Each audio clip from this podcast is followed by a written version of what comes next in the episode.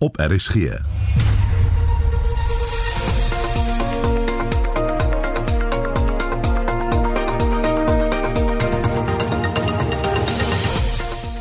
vermiddag se program Sanef is bekommerd oor die beweerde spionasie op joernaliste. Nog 'n uitbreking van varkpes in Noordwes. Die onderwyser wie se dood deur 'n slaggat veroorsaak is, se vriendin praat. Op die oomblik voel dit as my toekoms so donker gat voor my lê, maar ek weet ek is wel ek moet aangaan en positief wees en ek fokus op die mooi en die mooi onthou. En 'n koue front gaan swaar reën en sterk wind oor die Kaap bring. Welkom by Spectrum, die span is Wessel Pretoria, Lewona Bekes en ek is Susan Paxton. Presies 9 minute oor 1 jy luister na Spectrum. Die redakteursforum Sanef is bekommerd oor die beweerde spionasie op joernaliste en die onderskepping van verslaggewers se kommunikasie deur die Misdaadintelligensiediens of Inligtingdiens. Die saak fokus op die werk van die News24 ondersoekende joernalis Jeff Wicks, maar betrek ook ander lede van die beroep. En ons praat nou met die adjunkvoorsitter van Sanef, Adrian Basson. Goeiemiddag Adrian. Hallo Susan. Wat is hierdie spesifieke klagte van News24? Ehm um, Susan, ons het seker so 2 weke gelede ehm um, is Jeff Weeks, um, een van my ondersoekende journaliste, daar uh, bewus daarvan gemaak dat hy dat sy kommunikasie onderskep word en dat hy moontlik ehm um, agtervolg word. Ehm um, Jeff is die is ons is ons hoofverslaggewer op die saak van wat heidaglik in die polisie aangaan. Uh, soos jy weet is daar groot ehm um, storminge in veral die misdaadintelligensie eenheid in die polisie uh, waar Pieter Jacobs geskoor het as die hoof van hierdie eenheid en daar intussen 'n paar waarnemende hoofde was en en hulle rol in uh, die verpolitisering van die polisie en ook ehm um, hulle verhouding met die polisie minister Bekkie Cele. Ehm um, Jeff het nou 'n uh, aantal artikels hieroor geskryf en wat ons hoor van die binnekringe en dis reg van die binne binnekringe ehm um, is dat daar polisielede is wat baie graag wil uitvind wie sy bronne is en ehm um, dit besluit het om sy kommunikasie te onderskep. Ons verstaan dat News24 reeds 'n brief aan die waarnemende hoof van misdaadinligting, luitenant-generaal Jolisa Mokgabudi gestuur het. Enige reaksie? Ehm um, ja, ons het gister 3 briewe gestuur. Die eerste een is na haar sy is nou die nuutste waarnemende hoof van misdaadintelligensie. Sy was natuurlik die Weskaapse kommissie kom, polisiekommissaris tot onlangs. Ehm um, haar kantoor het bevestig dat hulle ons brief gekry het en dat hulle na die saak kyk. Maar dan het ons ook verdere briewe Susan gestuur na die ehm um, inspekteur-generaal van intelligensie, Dr. Dintwe. Ehm um, hy en sy kantoor ehm um, jy weet is die regulator vir al ons intelligensiedienste in Suid-Afrika. Hulle moet kyk waar intelligensie misbruik word. Ehm um, soos wat ons beweer in hierdie geval gebeur en dan ook na die ehm um, die regter verantwoordelik vir alle onderskepping. En dit is regter Besen Kabinde. Nou ehm um, jy weet hoe dit veronderstel is om te werk as enige polisieman of of um, intelligensiebeampte 'n persoon se telefoon uh, gesprekke wil afluister, moet hulle 'n hofbevel kry by regter in kabine. Ehm um, en en sy moet daarvan oortuig wees dat daardie level van uh, daardie vlak van indringing want jy jy, jy kan natuurlik verstaan dat om iemand se foonoproepe af te luister is is seker een van die ergste vorms van privaatheidsskending. So sy moet oortuig wees dat daardie um, vlak van skending geregmatig is en ondersteun word deur die feite. Ehm um, en wat natuurlik nie in hierdie geval gebeur nie. Ehm um, daar's geen kans dat om iemand se bronne, 'n joernalis se bronne te kry en daardie toets sal slaag nie. Ons het ook vir haar gevra uh, om die saak te ondersoek. Wat is Sanef se standpunt hieroor? So Sanef is baie bekommerd. Dit is nie die eerste keer dat so iets gebeur nie. Ehm um, ons het in die afgelope paar jaar ehm um, 'n paar gevalle gehad um, van joernaliste wat wat ehm um, wie se kommunikasie onderskep is. Ehm um, die die mees prominente geval wat jy sal onthou Sam Soul van Amabungane. Ehm um, hy het hy het bewyse gekry en en dit en hy was baie gelukkig want dit is natuurlik baie moeilik om bewyse te kry van waar jy oproepe ehm um, onderskep word. Maar um, hy het bewyse gekry ehm um, dat dit gebeur het en sy nommer is gevind op 'n database vir onderskepping. Ehm um, en hy en Amabungane het die saak gevoer tot in die hoogste hof en die konstitusionele hof uh, wat bevind het dat die uh, die wetgewing waaronder sy kommunikasie onderskep is is ongrondwetlik en en dit word op die oomblik verander die sogenaamde RICA wet word op die oomblik verander sodat dit nie moontlik is om dit te gebruik vir ehm um, uh, uh, om journaliste te um, af te luister nie. So Sanef is baie bekommerd ehm um, dat dit nou weer besig is skenbaar om te gebeur. Ons sal in gesprek tree met die polisie kommissaris as ook met die minister ehm um, en en en ons ondersteun enige stappe van enige joernalis wat vermoed hulle word ehm um, afgeluister. Sanef se raad is dat joernaliste nou self teen spionasie maatreëls moet inspann om hulle kommunikasie van die staat vertroulik te hou. Is dit 'n absurde stadium wat ons nou bereik het? Ek dink as jy ondersoekende joernalis is, ehm um, ek het vir lank self ook met baie sensitiewe inligting gehandel en bronne moes uh, hanteer en inligting kry dan dan moet jy maar amper aanneem dat jy ehm um, afgeluister word of dat jou kommunikasie nie veilig is nie, jou elektroniese kommunikasie nie. So 'n mens mens werk maar slim, jy werk saam met kollegas, jy probeer om mense in persoon te ontmoet. Ehm um, en en ja, gelukkig met die tegnologie is daar ook meer veilige ehm um, uh, uh, en ehm um, encrypted maniere om nou te kommunikeer. So ehm um, ons ons ek dink ons sorg maar dat ons aan die voorpunt bly van die tegnologiese ontwikkeling ehm um, en en maar ander maniere inspann om ons bronne te beskerm. Ehm um, uiteindelik zoon gaan natuurlik die beskerming van ons bronne. Hulle is die mense sonder wie ons nie kan stories skryf nie. Ehm um, en en ons moet bloot enigiets doen wat ons kan om hulle te beskerm. Mm, ek wonder of jy vra daaroor want as uh, iemand gaan agterkom dat uh, hy blootgestel is, gaan hy net bloot nie met ons mm. praat nie en die publiek gaan nie die storie kry nie. Absoluut. Ek meen jy het hierdie naweek gesien dat daar ehm um, 'n vletjie blaaser van Transnet ehm um, is is die naweek in 'n in 'n uit gelukkige sluipmoord poging oorleef, maar daar was op hom geskiet die naweek en dis een van die hoofgetuies voor die Sonderkommissie in die Transnet saak. Ehm um, nee, dit is gevaarlik om 'n vletjie blaaser te wees en en en ons besef dit as joernaliste en ons ons probeer ons bes om dit altyd vir mense wat die vletjie blaas so veilig as moontlik te maak. Baie dankie. Dit was die adjunkvoorsitter van SANEF vir Adrian Basson. Hulde blyke stroom steeds in na die dood van die 25-jarige Vrystaatse onderwyser Waldo Ferreira die afgelope naweek. Die noodlottige ongeluk waarin twee ander mense ook dood is, word toegeskryf aan die uiters swak gehalte van die R103 tussen Warden en Vrede in die Oos-Vrystaat. Henk Botha, Hoërskool Vrede se skoolhoof, het aan Marlenae Forsie gesê na 'n kraanslegging by die skool gister word 'n boom vandag ook geplant ter nagedagtenis aan sy toewyding en die spesiale band wat hy met leerdlinge gehad het. Daar was nooit 'n ding te veel gevra vir hom gewees nie. En veral die ou kleiner kinders want hy was meer betrokke gewees daarso by die laerskool was gek oor hom gewees. Jy weet, hulle het hom aanbid. En die rugby as hy op toer was daarso, dit was altyd my belewenis gewees om te sien hoe die kinders met hom speel, hom spyt met skeer hom, met hom stoei, met hom te kere gaan daarso. En nou Waldo het altyd net sy ding gedoen en die kinders het die grootste respek vir hom gehad. 'n Mens kon nie help om vir hom lief te wees nie. Hy is een van die eerstes wat die nuus Vrydag ontvang het. Ek is nou al 35 jaar in die onderwys en so iets het in my tyd nog nie gebeur nie. Dit was 'n geweldige skok geweest toe daai oproep van Johanna gekry het en 'n mens weet nie hoe om te reageer nie. Jou brein gaan staan stil. Dis nie die eerste keer dat die pad mense se lewens eis nie. Die skoolhoof van Memel Primêr, Johan de Tooi, een van die eerstes op die toneel, sê hulle is keelvol en dat hulle die regering wil dwing om in te gryp. Ons beplan later in die week om in vrede bymekaar te kom. Elke komitee sal dan teruggaan na sy um, gemeenskap toe. Ons gaan petisie laat opstel. Die petisie gaan dieselfde bewoording hê en dan gaan ons soveel as moontlik daar van laat teken. Elke dorp sal 'n leer opstel. Ek het reeds met IR 24 van KwaZulu-Natal gekontak. Hulle gaan vir my verslae van die laaste 3 maande as ook ongelukstatistieke gee van hoeveel mense beseer is op die pad. Skade as ook mense wat oorlede is. Botha sê hy ondersteun die besluit heel hartig.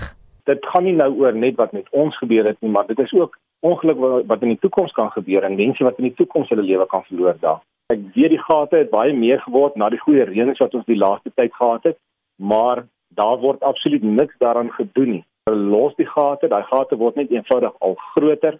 As jy daardie pad ry, staan die karre die wêreld vol oralste wat papwiele gekry het. Want 'n mens kom op 'n plek wat jy eenvoudig nie kan uitswaai vir 'n gat as daar voete van voor af aankom. Verseker kan jy nie vreeslike spoed ry op die pad nie, want iewers gaan jy 'n gat slaan dit is nie van of jy 'n gat gaan raak ry nie, dit is net wanneer jy 'n gat gaan raak ry. En dit is wanneer slegte dinge dan gebeur. Dit was die hoof by Hoërskool Vrede, Henk Botha. Marlene Forsie is hy konnies. Nou Spectrum het gister uitgereik na Waldo se vriendin Jo Marie wat hom as 'n buitengewoon positiewe en lewenslustige mens beskryf het en ons kon egter eers vandag met haar praat van sy het hand bygesit om sy woonstel te help ontruim. Dit was maar moeilik want al ons herinneringe is so van wat ons saam kos gemaak het en op die vloer gesit en eet het en tot waar ons net saam gesit en werk het by sy lesenaar en sy elke heen wat hy en sy kas gehad het is iets wat gekoppel is aan my herinnering. So dit was moeilik. Saam met die ondersteuning van haar ouers, vriende en familie, ontvang sy ook heelwat ondersteuning van die onderwysers saam met wie hy gewerk het. Terwyl ek opgepak het, het hulle kort kort kom inloer en bestrand dat die koshuis kinders ook almal op die rugbyveld gesit en 'n kers ongesteek om sy lewe te vier. Dit sorg vir die kinders ook, dat baie kinders gehuil en sy drukkie kom gee en vir my gesê hoe baie hy vir hulle beteken het. En julle was 'n lang tydjie saam. Wat het hy vir jou beteken?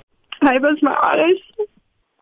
Hy was my rots en altyd my ondersteun en my moeder gepraat en baie keer het hy my geïrriteer so positief as hy. Want baie keer het ek net 'n oomblik nodig gehad om negatief te wees oor iets en dan sal hy sy oor positiewe self wees dat ek nooit dan nie meer negatief kan wees nie. En as al ooit 'n traan in my wang geloop het, het dit my so maak lag dat ek dit hom vergeet of aan. Ek het nog nooit iemand so sou ontmoet nie. Ek dink ook nie ek sal weer nie. En sy sê die ekstra myl geloop vir sy leerlinge. En so kind siek was, was hy die een wat hulle dokter toe gevat het. Hy het een kind wat nie medies gehad het nie. Tot ons vir daardie gevat en sy aanvang gehou terwyl hy iemand uit getrek het en ons was vir 'n naweek weg gewees met sy bedeelde se troue en daai naweek was so ek 'n kind siek in die koelhuis en hy het in Johannesburg gesit maar hy het iemand die ouers gebel het en alles uitsorteer het om seker te maak die kind kom by die huis en goed omdat hy siek is. Hoe lyk die pad nou vorentoe vir jou? Want dis al in weet ek nie. Um ek het my hele lewe so met hom beplan. So op die oomblik voel dit as my toekoms so donker gaat vir my nou, maar ek weet ek hy sal wel ek met aangaan en positief wees en ek fokus op die mooi en die mooi onthou.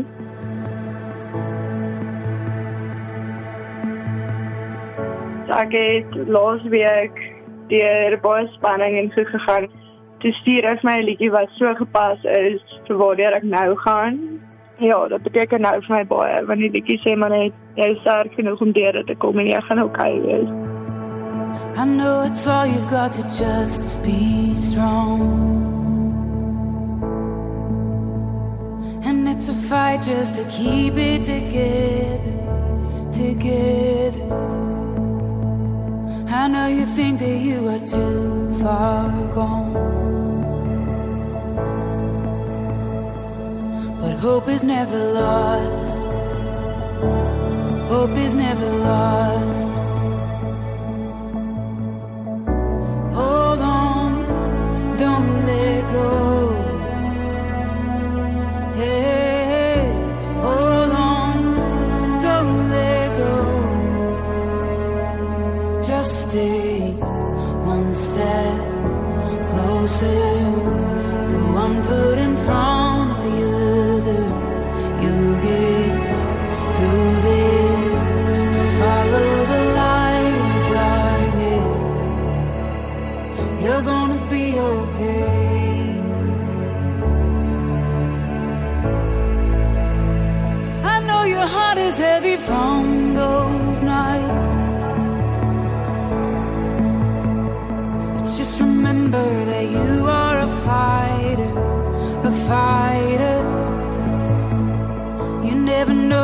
Tomorrow holds. And you're stronger than you know. You're stronger than you know.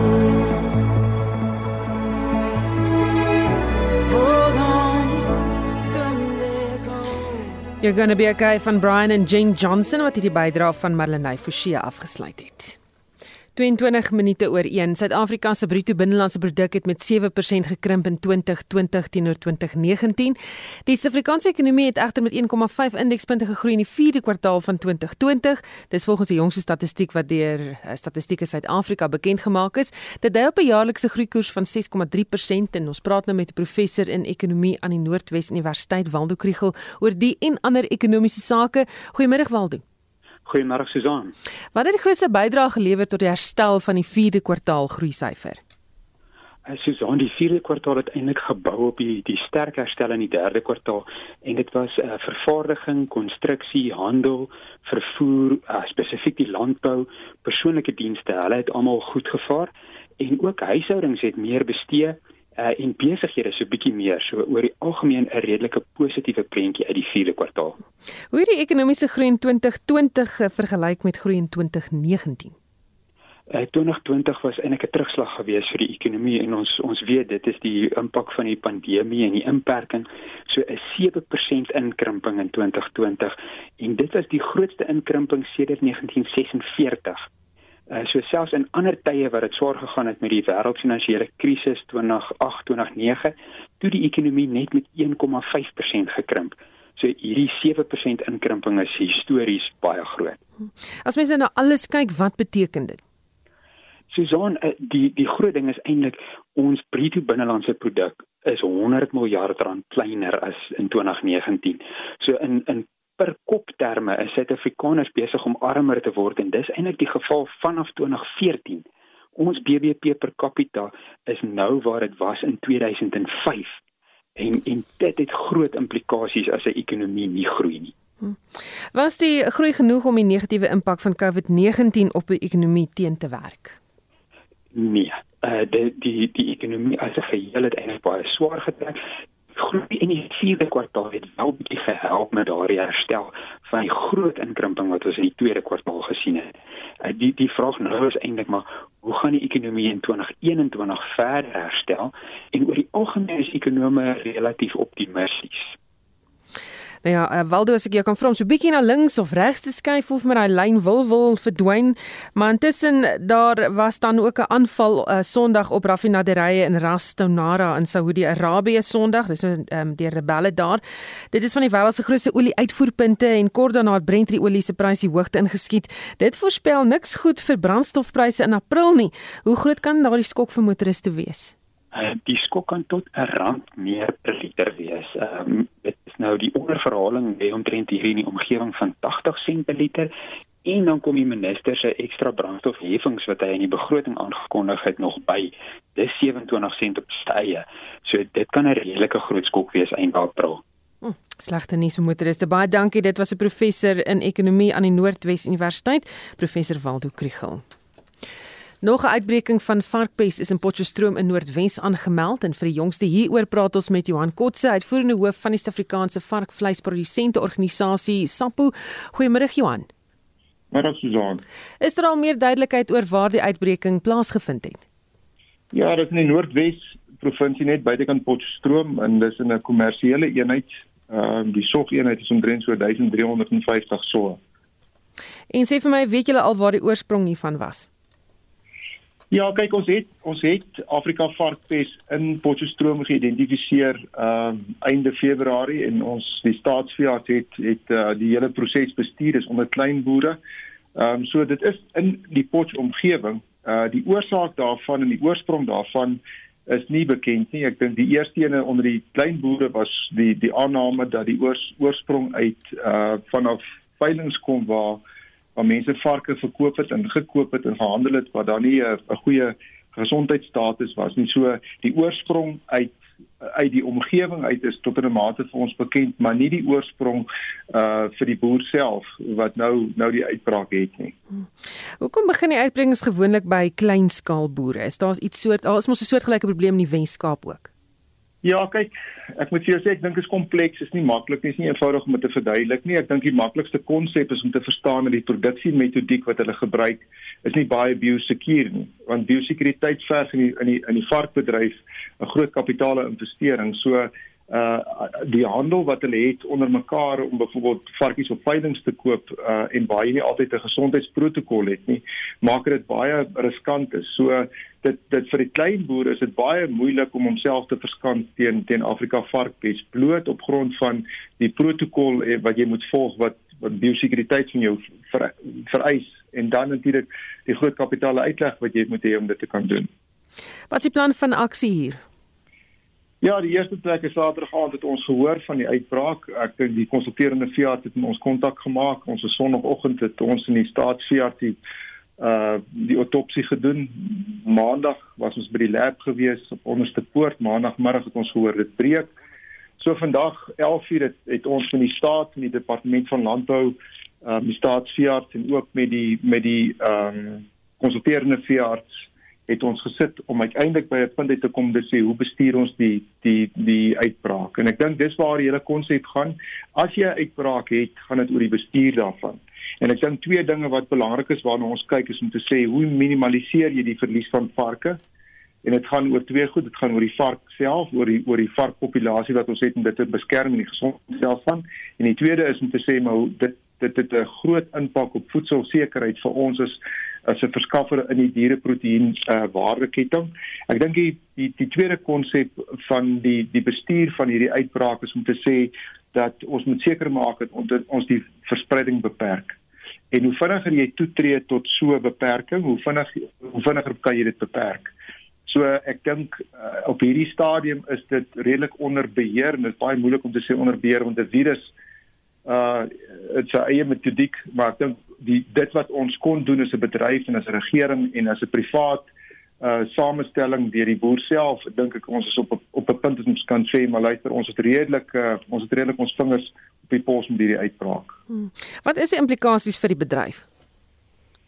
Ja, luister is tragies want ek wil sê ek dink die eerste plek met ou sê dit gaan oor varke nê. Ehm um, Afrika varkpes gaan om die varkpopulasie te beskerm.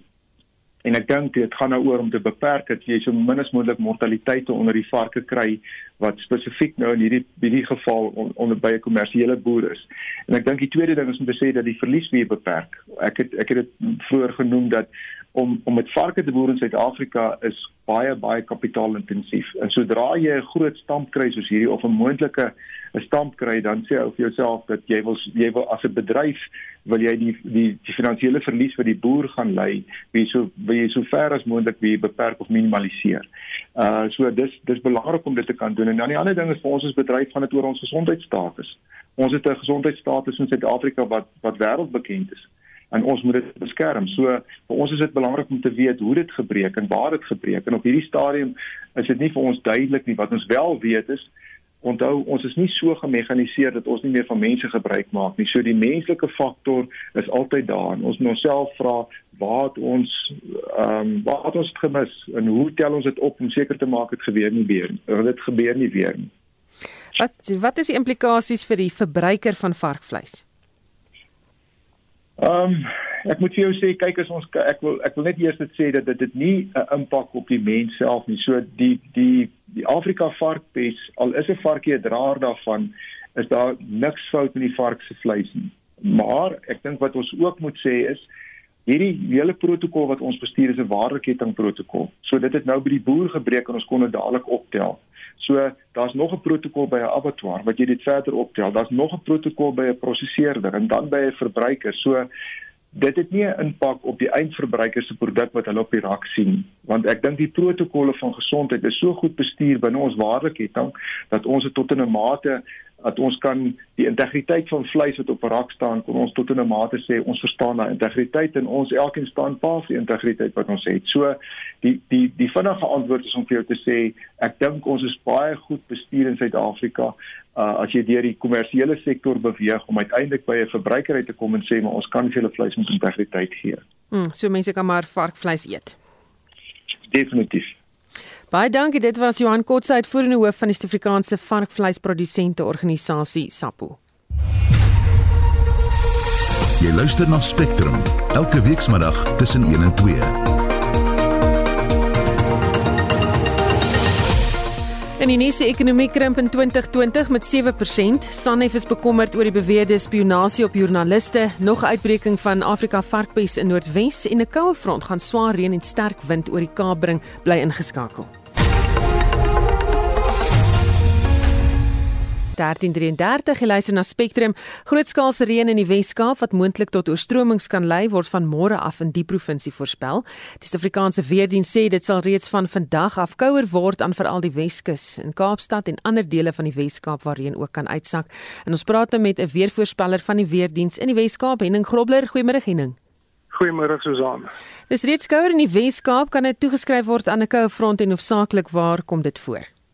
Ja, wat Susan, uh, hierdie koue front wat jy nou van praat, uh, lê so op ons drempel. Ek verwag dat hy so 'n bietjie later vanaand hier oor ons gaan in beweeg en uh, alreeds baie baie sterk winde wat voorkom.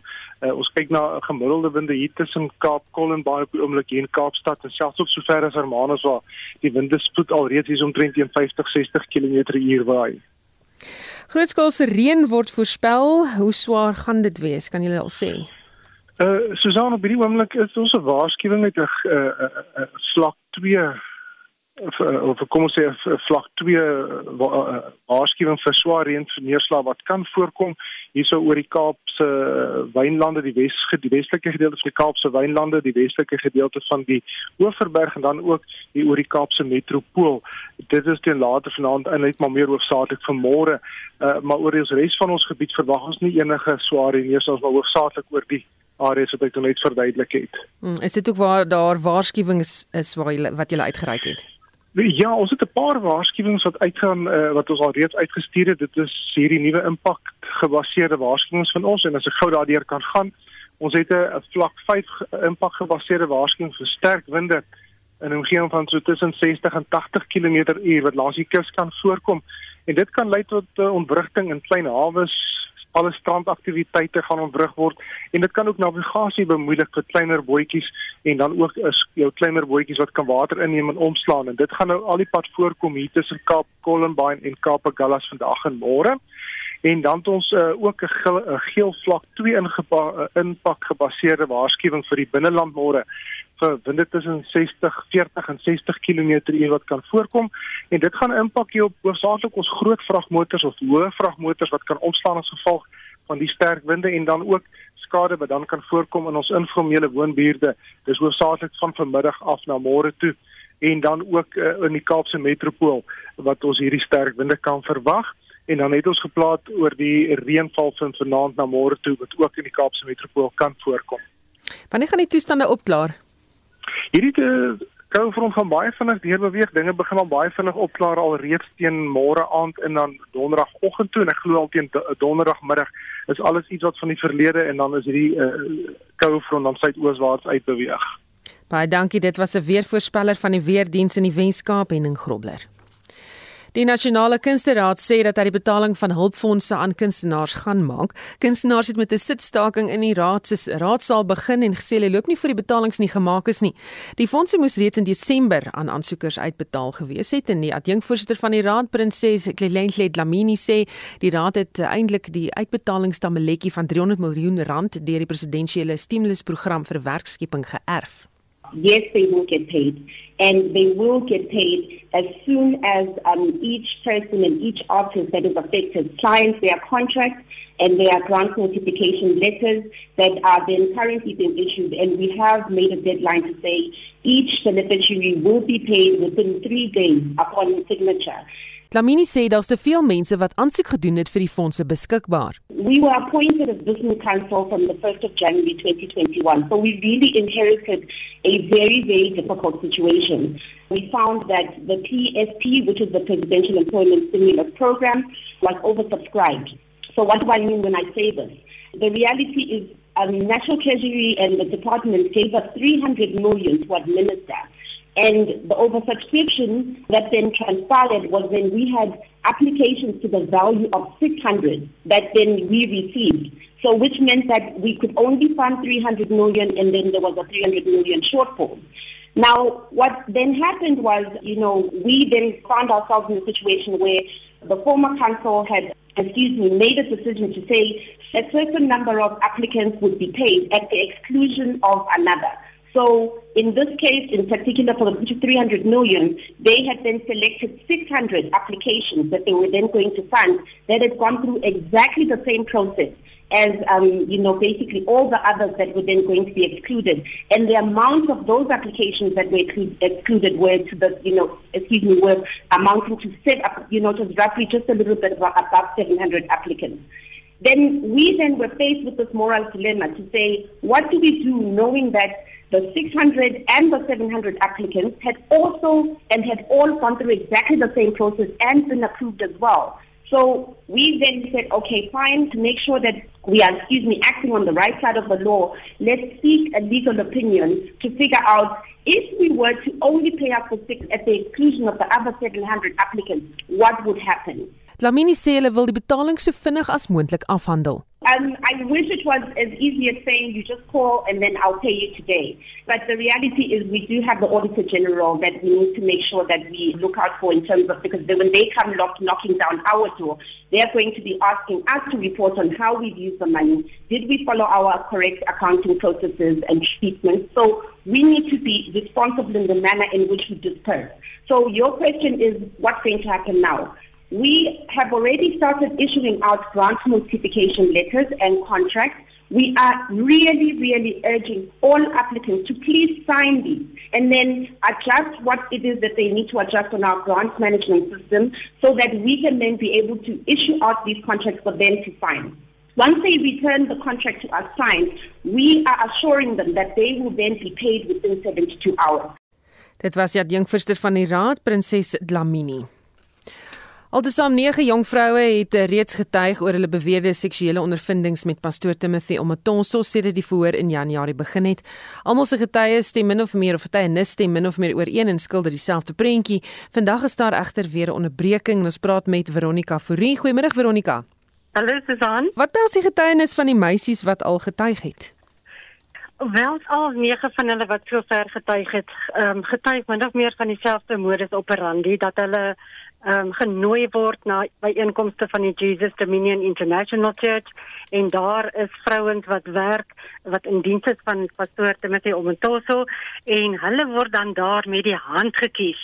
Dit is almal deur die bank van hulle is pragtige meisies. Hulle is almal intelligent en hulle is almal ehm um, jy weet hulle praat baie goed en hulle is goed versorg.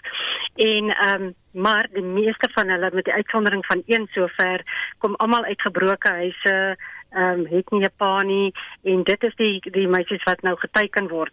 Ehm um, dit is 'n definitiewe patroon en hulle sê ook tydens hulle getuienis dat hulle gevra word of hulle 'n kerel het of hulle 'n pa het en dan word daar van hulle verwag as met ons of hulle vra wat verwag hulle van hom dat hulle dan moet sê hulle wil hê hy moet hulle pa wees. 'n vaderfiguur wees.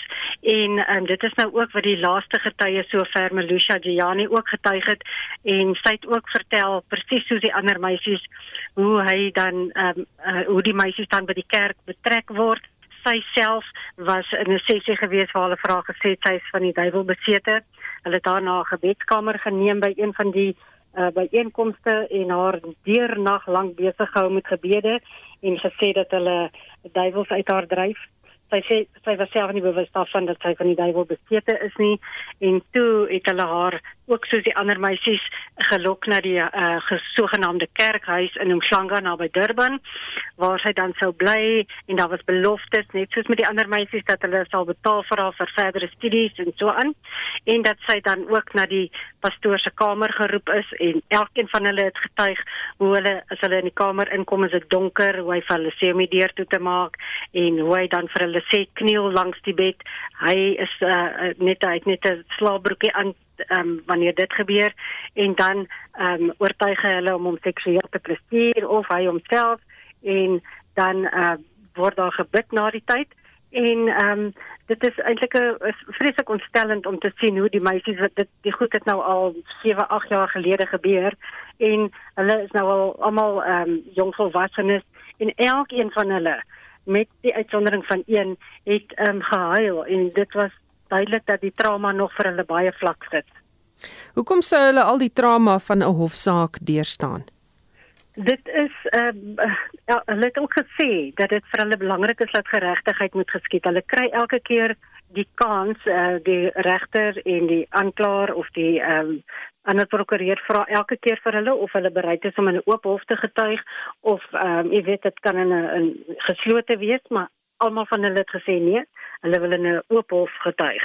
Uh, hierdie keer mag ons nie die getuienis uitsaai nie, uh, soos met die um, heel heel eerste getuie voordat die hofsaak nou beëindig is en toe weer moet begin het. So hulle wil net hê dat geregtigheid moet geskied. Dit is wat hulle almal vra. Wat gebeur nou? Vandag is dit nou nog uh, steeds die Melisha Giani wat in die getuie uh, well sy het was uh, Vrydag onder kruisondervraging geneem en uh, vandag is dit nou die uh verdediging en die staat wat nou uh, mekaar in die hare vlieg oor onjuisthede in die uh klagstaat wat verskil van wat sy getuig het en dit is nou regsaspekte wat nou aangehoor word vandag. Ehm um, daar is 'n skraal moontlikheid dat 'n nuwe getuie kan geroep word vandag, maar ons voorsien dat dit eerder môre sal gebeur. Baie dankie, dit was ons verslaggewer by die hofsaak Veronica Fourie. Goed, intussen sport hier Shaun Jooste met vandag se sportnuus. Ons val weg met cricketnuus. Ons vroue Protea span het die tweede wedstryd van hulle eendagreeks in en teen Indië met 9 paltjies verloor. Suid-Afrika is ingestuur om eers te kolf, maar kon net 157 lopies op die tellbord plaas met Lara Goodall wat 49 aangeteken het. India het op 160 vir 1 geëindig. Die reeks is nou gelyk op met 1 elk en die derde van 5 wedstryde vind Vrydag plaas. Rugby. In die plaaslike voorbereidingsreeks speel Griquas vanmiddag kwart voor 5 in Kimberley teen die Stormers en die Pumas vanaand 7 uur in Nelspruit teen die Bulls. Daar sal telefoniese verslae oor die wedstryde gedoen word. Sokker. In die tweede been van die Kampioenligga se laaste 16 ronde pak Borussia Dortmund en Sevilla en Juventus en FC Porto mekaar vanaand 10uur. Dortmund het die eerste been met 3-2 en FC Porto hulle eerste been met 2-1 gewen. En laastens op die tennisbaan stap Suid-Afrika se Lloyd Harris later in die eerste ronde van die Qatar Ope vir mans teen die wêreldnommer 20 van Switserland Stanislas Wawrinka op die baan uit. En in die eerste ronde van die vroue toernooi in Dubai is die Amerikaner Madison Keys in twee stelle deur die Rus Anastasia Potapova uitgeskakel. En dit was ons sportverslaggewer Shaun Jooste. Die verkiesingskommissie het die parlement se portefeulje komitee van binnelandse sake toegespreek oor veranderinge aan die wetsontwerpwysigings van die verkiesingswet. Wysigings sal dit moontlik maak vir kiesers sonder 'n adres om ook te kan stem. Die wysiging is goedgekeur deur die nasionale vergadering, maar die nasionale raad van provinsies het voorgestel dat wysigings aangebring moet word om die privaatheid van kiesers te beskerm. En ons praat nou met ons parlementêre verslaggewer Zelin Merrington. Goeiemôre Zelin. Middag Susan. Waaroor gaan hierdie meer onlangse wysigings? Die meer onlangse wysigings gaan soos ehm um, wat jy nou net gesê het, dit is die uh, nasionale raad van provinsies wat ehm um, 'n verslag gekry het van hulle uh, ewe knie by die nasionale raad wat wat wat basies toestemming gegee het dat hulle gekry daarmee dat identiteitsnommers op die kiesersrol verskyn, maar die raad van provinsies het gesê dit kan groot gevolge inhou uit die aard van die saak, byvoorbeeld ehm um, bedrog. So hulle het gevra dat dit hersien moet word en die ehm um, verkiesingskommissie het nou vandag gesê in 'n poging ehm um, weet hulle hulle kom ehm um, verduidelik vir dit is voorstelle wat hulle kom maak en ehm um, binnelandse sake se portefeulje komitee vandag het hulle byvoorbeeld gesê 'n poging om kiesers te beskerm het hulle nou uh, die voorstel gemaak dat ehm um, hulle van die byvoorbeeld die die middel jou jou identiteitsnommer het 13 nommers so hulle gaan ehm um, probeer om die middelste lotnommers gaan hulle ehm um, verbloem gaan hulle nou nie publiseer op die kiesersrol nie in 'n poging om te verseker dat daar nou nie uh, dat mense se nommers nie gebruik sal word vir uh, bedrog nie. En ehm um, dit is ook hulle gaan nou ook ehm um, maatreëls in plek in tans kan enige iemand die kiesersrol sien? Hulle moet net 'n fooi betaal aan die verkiesingskommissie en dan kan hulle dit sien. Maar nou die verkiesingskommissie ook ehm um, voorgestel dat ehm um, hulle stel maatreëls in plek sodat ehm um, net belange groepe of 'n persoon met belang soos byvoorbeeld 'n onafhanklike kandidaat kan ehm um, ehm um, die kiesersrol kry. En ehm um, hulle gaan ook duidelike vereistes daarvoor stel soos byvoorbeeld jy moet dit ehm um, gebruik om 'n verkiesing te monitor of dit uh, moet gebruik word vir ehm um, uh, navorsing met betrekking tot uh ehm um, navorsing met betrekking tot statistiek. Statistiek is die woord waarvoor ek soek. En ook ehm um, ehm uh, jy weet mense wat navorsing moet doen. Baie dankie. Dit was ons parlementêre verslaggewer Celine Merrington Die voormalige bestuurshoof van Transnet, Brian Molefe, het vandag sy getuienis vir 'n tweede dag in die hoedanigheid voor die staatskapingskommissie voortgesit. Die kontrak wat die bestuurskonsultasiefirma McKinsey met Transnet gesluit het, is onder meer vanoggend by die kommissie onder die soeklig geplaas. Esie de Klerk doen verslag. Soos gistermiddag toe getuienisleier advokaat Anton Meiburg Molefe oor sy verhouding met die Gupta broers uitgevra het, het die vonke weer vandag tussen die twee gespat. Transnet het tussen 2012 en 2016 die firma McKinsey aangestel om verskeie projekte te bemiddel, onder meer die verkrygingskontrak van die 1046 lokomotiewe en verskeie ander kontrakte. Daar is in 'n forensiese auditverslag deur die nasionale tesourie bevind dat McKinsey en Transnet se finansiële hoof, Anos Singh, die integriteit van die verkrygingsproses in gedrang geplaas het voordat finale goedkeuring deur Molefe daarvoor gegee is en dat McKinsey en Regiments met werk aan die projekte begin het voordat dit goedgekeur was. McKinsey het met werk aan die projekte begin voordat 'n sogenaamde MSA of hoofindiensnemingskontrak geteken was. Hier vra advokaat Meiburg aan Molefe wie die transaksie adviseur was vir die kontrak. On the 21st of February, the MSA was concluded with McKinsey. The reason this is confusing is because later on, on the 16th of April, McKinsey then says that no, uh, we are ceding everything to regiments. Regiment. And yet, from the 5th of February, and yet McKinsey signed the MSA on the 21st on a date after it had exceeded the transaction exposed to a date that is preceding. So the answer to Mr. Mybeck's question Actually, it's not a straightforward so, answer. So, you, so you even, I, even as I'm sitting here, I'm yeah, confused. You wanted to say it's confusing. I don't know what the answer is. Regiments is 'n Gupta geaffilieerde konsultasiefirma wat ook betrokke was by die Transnet kontrak. Really what this memorandum captures is a change in the remuneration model applicable to regiments, correct? However, I'm not sure if you understand, uh, Mr. Mybeck. For reasons stated in the memo, regiments managed save us 2.8 billion rand. Yeah. So they made they, they saved us 2.8 billion rand Transnet. And for the bringing into the kitty 2.8 billion, it was being recommended that they should be paid 78 million for the 2.8 billion that they had brought in. Molefe het getuig dit was moontlik vir hom as die bedryfshoof om so besluit te neem omdat Transnet in 2016 na belasting 'n netto-wins van 4 miljard rand gemaak het en hy het dit nie gedoen omdat hy van regiments of enige iemand anders gehou het nie. Well, you know what happened to half of this money? I don't know. No, you do. Huh? You do know what happened to half of the money, Mr. Molefe. That's the issue. You say I do. Well, from what you heard yesterday, do you have a sense of what happened to half of this money? No, I don't know what happened to half of the money. It was paid to Mr. Esser. I, I don't I And didn't know that at the time. Well, that's now, I don't know it other than the fact that you said it. You see, that's why this is placed under scrutiny because you, I think, have accepted that this was generous. You didn't have to, in law, do this. You decided for business reasons to do it on your. I think I think your question, uh, Mr. Mr. Mybeck, would be fair if it was. Had you known that half of this money would go to Mr. S, would you have taken the decision? And what's the answer? And and the answer might be different. I don't know what I would have thought at the time. I don't want to speculate on it, but that is not what was on the table at the time. We're confronting confronting objective facts. All right. Well, I think that that, as you know, is Because now you want to think, you want to say that I was paying 78 million rand or half of it to Mr. Essa, and that is not true.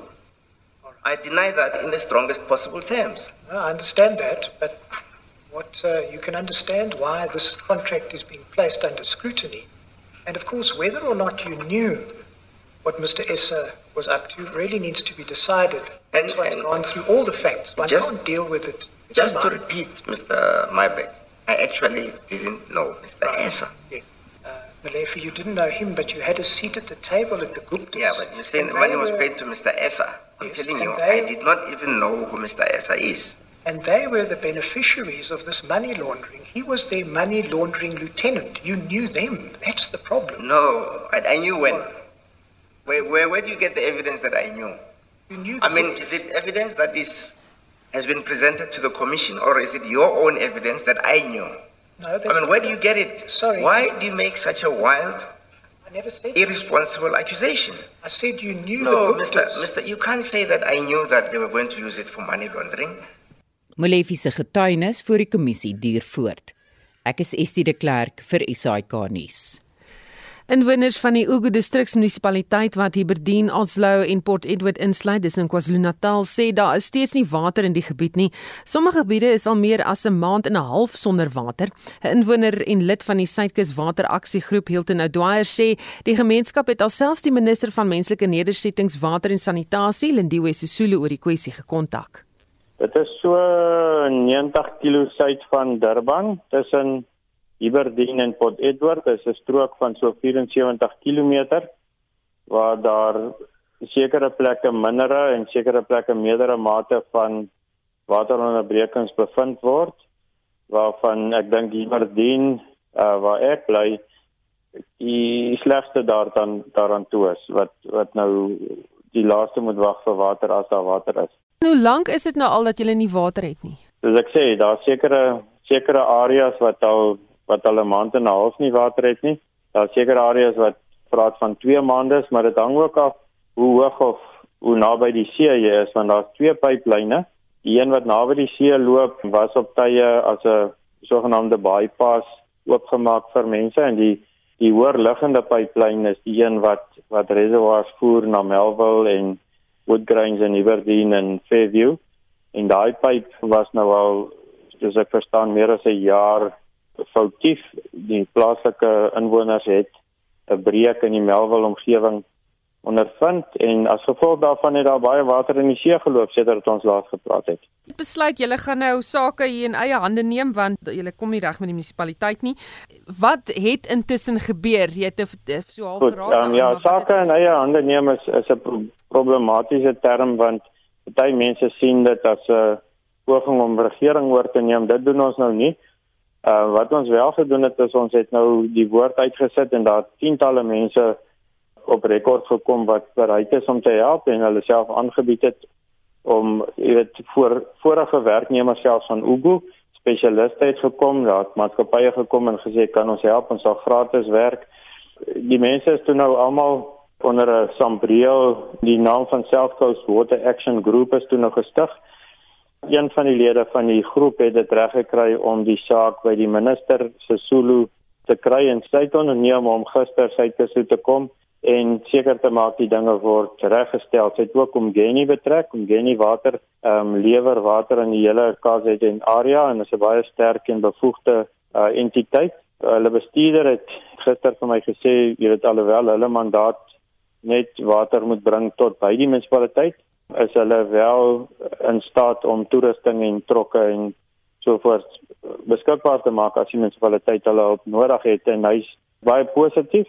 So ons eie ondersoeke hier ter plaatse op die breuke en op die ehm uh, pompstasie en so voort het ook sekere gebreke, jy weet, blootgestel. Maar dit is alles gebreke wat met ons invloed of met die publiek se bydraes redelik kos nie kosteloos nie, maar goedkoop aangespreek kan word. Maar nou het jy die uh, lokale regering en die provinsiale en nasionale regering nodig om jou te ondersteun in daai proses. Anders word jy gesien as 'n diensverskaffer en moet jy uh, 'n proses deurgaan alvorens jy enigiets vir hulle kan doen. En ons is nou nie daar nie. Ons sit sonder water. Daar word soos gister en vandag is daar uh, betogings gehou in Omtrent en Fairview juis as gevolg van gemeenskappe wat nie water het nie. En ons is verby die punt waar ek dink ons kan protokol respekteer. Ons moet nou by 'n punt kom waar ons sê kom ons vergeet nou eers van van al daai dinge. Kom ons kyk wat gaan die ding onmiddellik herstel.